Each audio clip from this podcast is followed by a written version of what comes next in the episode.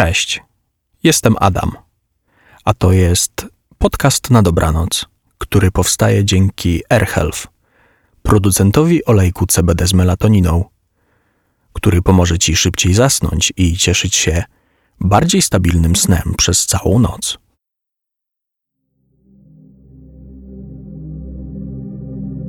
Kiedy noc przechodzi w poranek, przez mikrosekundę tworzy się gdzieś w czasoprzestrzeni szczelina, węższa od jednego włosa, do której nieliczni będą w stanie zajrzeć. Mawiał pan Morfeusz. Jedni odkryją w niej rzeczy na pozór mało istotne, ale takie, o których świat jeszcze nigdy nie słyszał. Drudzy odkryją siebie, swoje lęki, pragnienia, te najgłębsze na co dzień schowane w czeluściach natury. Jeszcze inni poznają ostateczną tajemnicę życia i śmierci, powód, dla którego to wszystko ma sens lub go nie ma. Jedną informację która zmieniłaby ludzkość. Problem pojawia się po przebudzeniu. Stanowcza większość szczęściarzy ocknie się,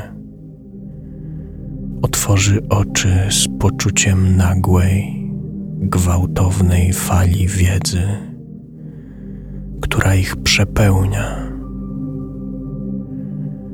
aby za chwilę spojrzeć na znajome kształty mebli, na wygnieciony w poduszce obok kształt i aby powiedzieć: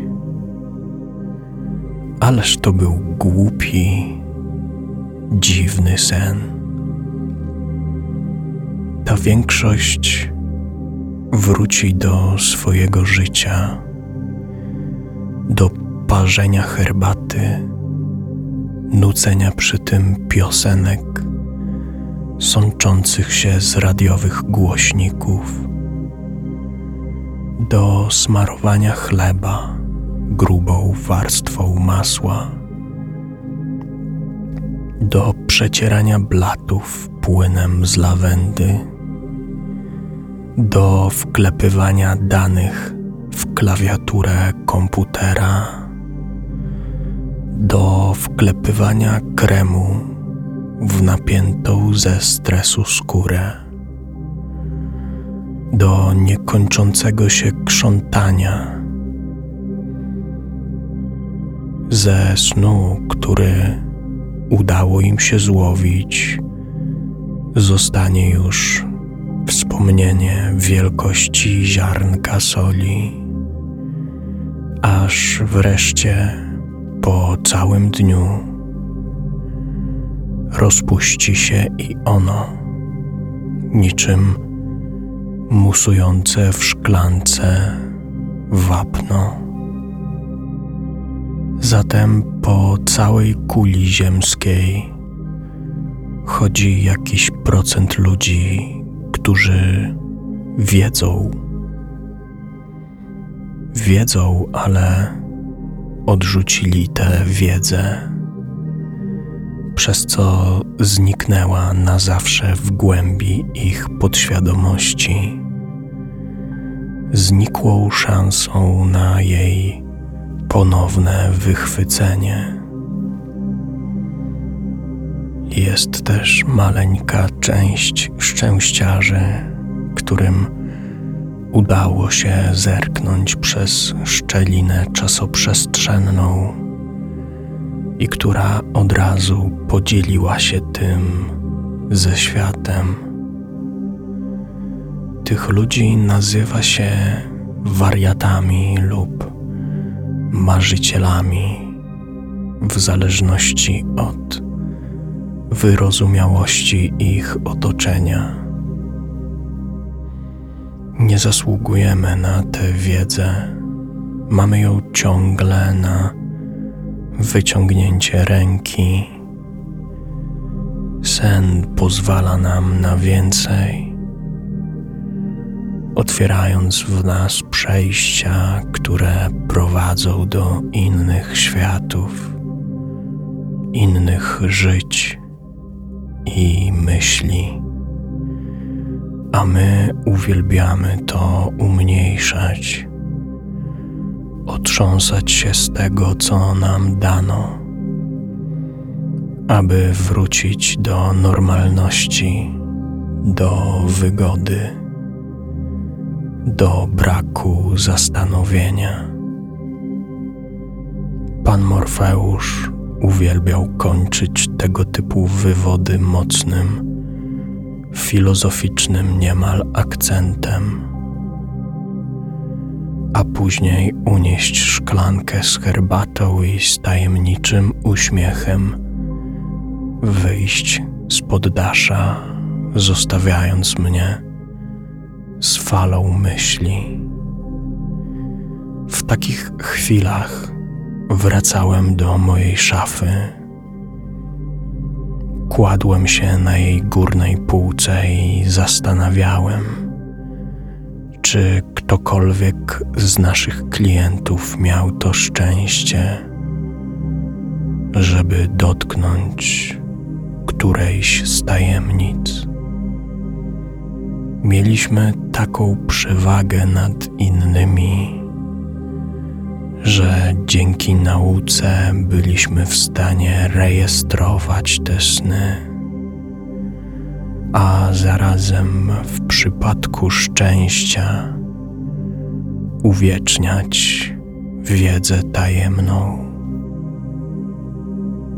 Od tej rozmowy popadłem w niejaką obsesję, ogarnięty poczuciem, że muszę znaleźć taki sen wszystkich klientów starałem się namawiać, aby zostali do wschodu słońca lub by przychodzili nad ranem. Wyjaśniałem, że wtedy sny wydają się jeszcze ciekawsze. W głębi chciałem jednak by otworzyła się ta niesamowita szczelina, magiczny portal, tajemnicze przejście do innego wymiaru. Nazwa nie miała dla mnie znaczenia.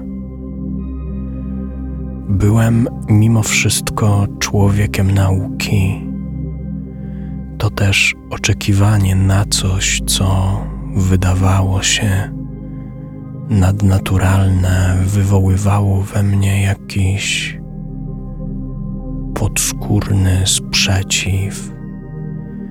Ekscytowałem się jak dziecko czekające w grudniową noc na świętego Mikołaja i czułem wstyd z tego powodu.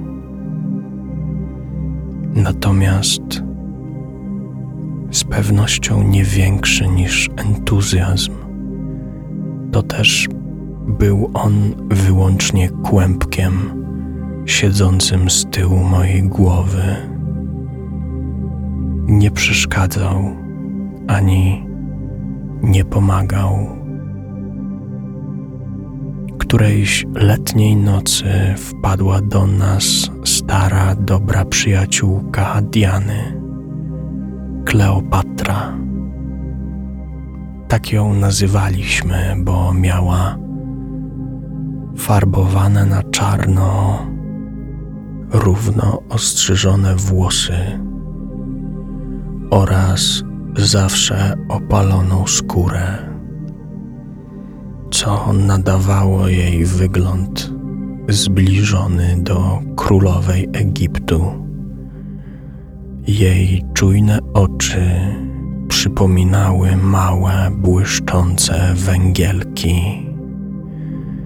Chodziła w zwiewnych sukniach, ruszając się przy tym jak kot, niemal zupełnie bezszelestnie. Zdarzało się, że przychodziła boso. Mówiła, że buty to dla niej dyskomfort i kiedy przemierza miasteczko nocą, nie narażając się na komentarze mieszkańców, woli czuć dotyk brukowych kostek na podeszwach stóp. Wtedy czuje ich energię. Gdy wspomniała o energii, od razu pomyślałem, że jest uduchowiona, a co za tym idzie, być może bardziej podatna na wszelkie otwierające się portale. Dokładnie o to mi chodziło. Ożywiony zaproponowałem jej mrożoną herbatę. Zanim zasnęła, piliśmy ją z porcelanowych filiżanek, gawędząc o pogodzie i niektórych wydarzeniach mających miejsce w naszym miasteczku przez ostatnie tygodnie. Oto czego się dowiedziałem. Właściciel piekarni opracował nowy, tajemniczy przepis na rogaliki z nadzieniem malinowym które zachowują świeżość nawet do tygodnia, bez dodatku konserwantów. Żona burmistrza zaadoptowała sforę dzikich psów, które zostały uratowane z pożaru okolicznych lasów przez miejscowe schronisko. Małżeństwo prowadzące sklep papierniczy spodziewa się trojaczków. Wszystkie przyjdą na świat planowo na święta Bożego Narodzenia. Przy cmentarzu grupa młodych archeologów przyjezdnych ze stolicy w ramach studenckiego dyplomu wykopała ceramikę z przełomu okresu wędrówki ludów i wczesnosłowiańskiego, co może wskazywać na fakt, że istniała tu kiedyś osada. Nauczycielka muzyki z miejscowego liceum skomponowałam melodię, która hipnotyzuje węże, wprawiając je w stan relaksu. Doceniono ją w branży cyrkowej. Uzyskała także akceptację Towarzystwa Opieki nad Zwierzętami. Nad miasteczkiem przetoczy się burzowy front a później nastanie fala upałów. Kiedy herbata w filiżance i plotki się skończyły, Kleopatra ziewnęła przeciągle i zasnęła. Dochodziła trzecia w nocy. Czy to już był ten moment, kiedy noc miesza się ze świtem, czy to jeszcze zbyt wcześnie.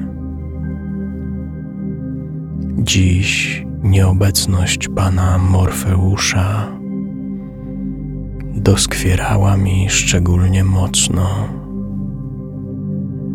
Chciałem zadać mu tyle pytań.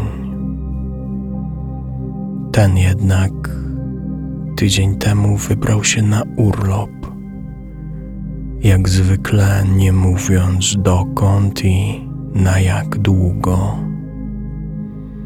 Nie zdziwiłbym się, gdyby po jego powrocie okazało się, że przez cały ten czas siedział po prostu we własnym mieszkaniu, pochłaniając coraz to nowe lektury.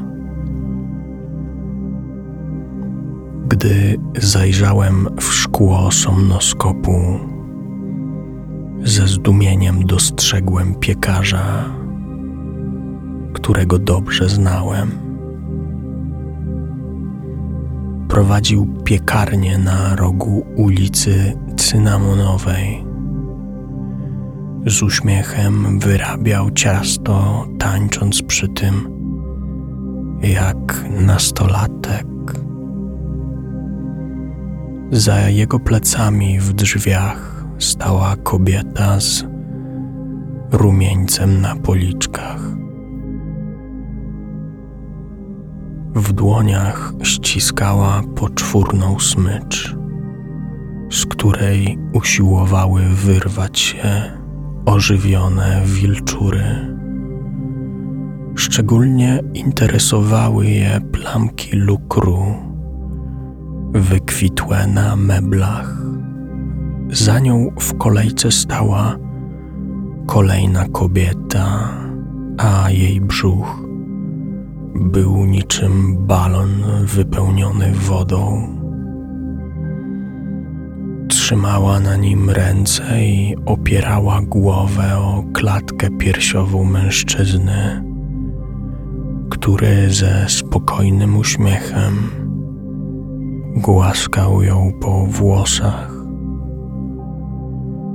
Wyminąłem ich wszystkich i ze zdumieniem dostrzegłem, że w kolejnym pomieszczeniu piekarni zionie wielka dziura w podłodze, wokół której kłębią się młodzi ludzie w rękawiczkach i maseczkach. Wyciągali z ziemi pojedyncze kawałki czegoś glinianego, unosząc je pod światło z odpowiednim namaszczeniem. Wiedziałem, co zobaczę w kolejnych czterech ścianach. Dlatego chyba podświadomie wstrzymałem oddech. W kącie stała siwowłosa nauczycielka z ciasnym kokiem spiętym na czubku głowy. W jej ustach tkwił flet, na którym grała tak pięknie, że dreszcz przepływał po całym ciele imponujących rozmiarów kobra tańczyła obok, i sam zdziwiłem się, że jednak nie czuję strachu. Wydawała się tak przyjazna, że miałem ochotę podejść i dotknąć jej łebka. Granatowe chmury wpełzły przez okno i rozległ się przyjemny pomruk letniej burzy. Przetoczyły się przez pokój i wyciekły przez drugie okno, po czym wszystko zalały promienie słońca. Kleopatra obudziła się rano wyciągając w górę obydwie ręce. Wydała z siebie przy tym radosne ziewnięcie. Wypiliśmy jeszcze jedną mrożoną herbatę i wyszła.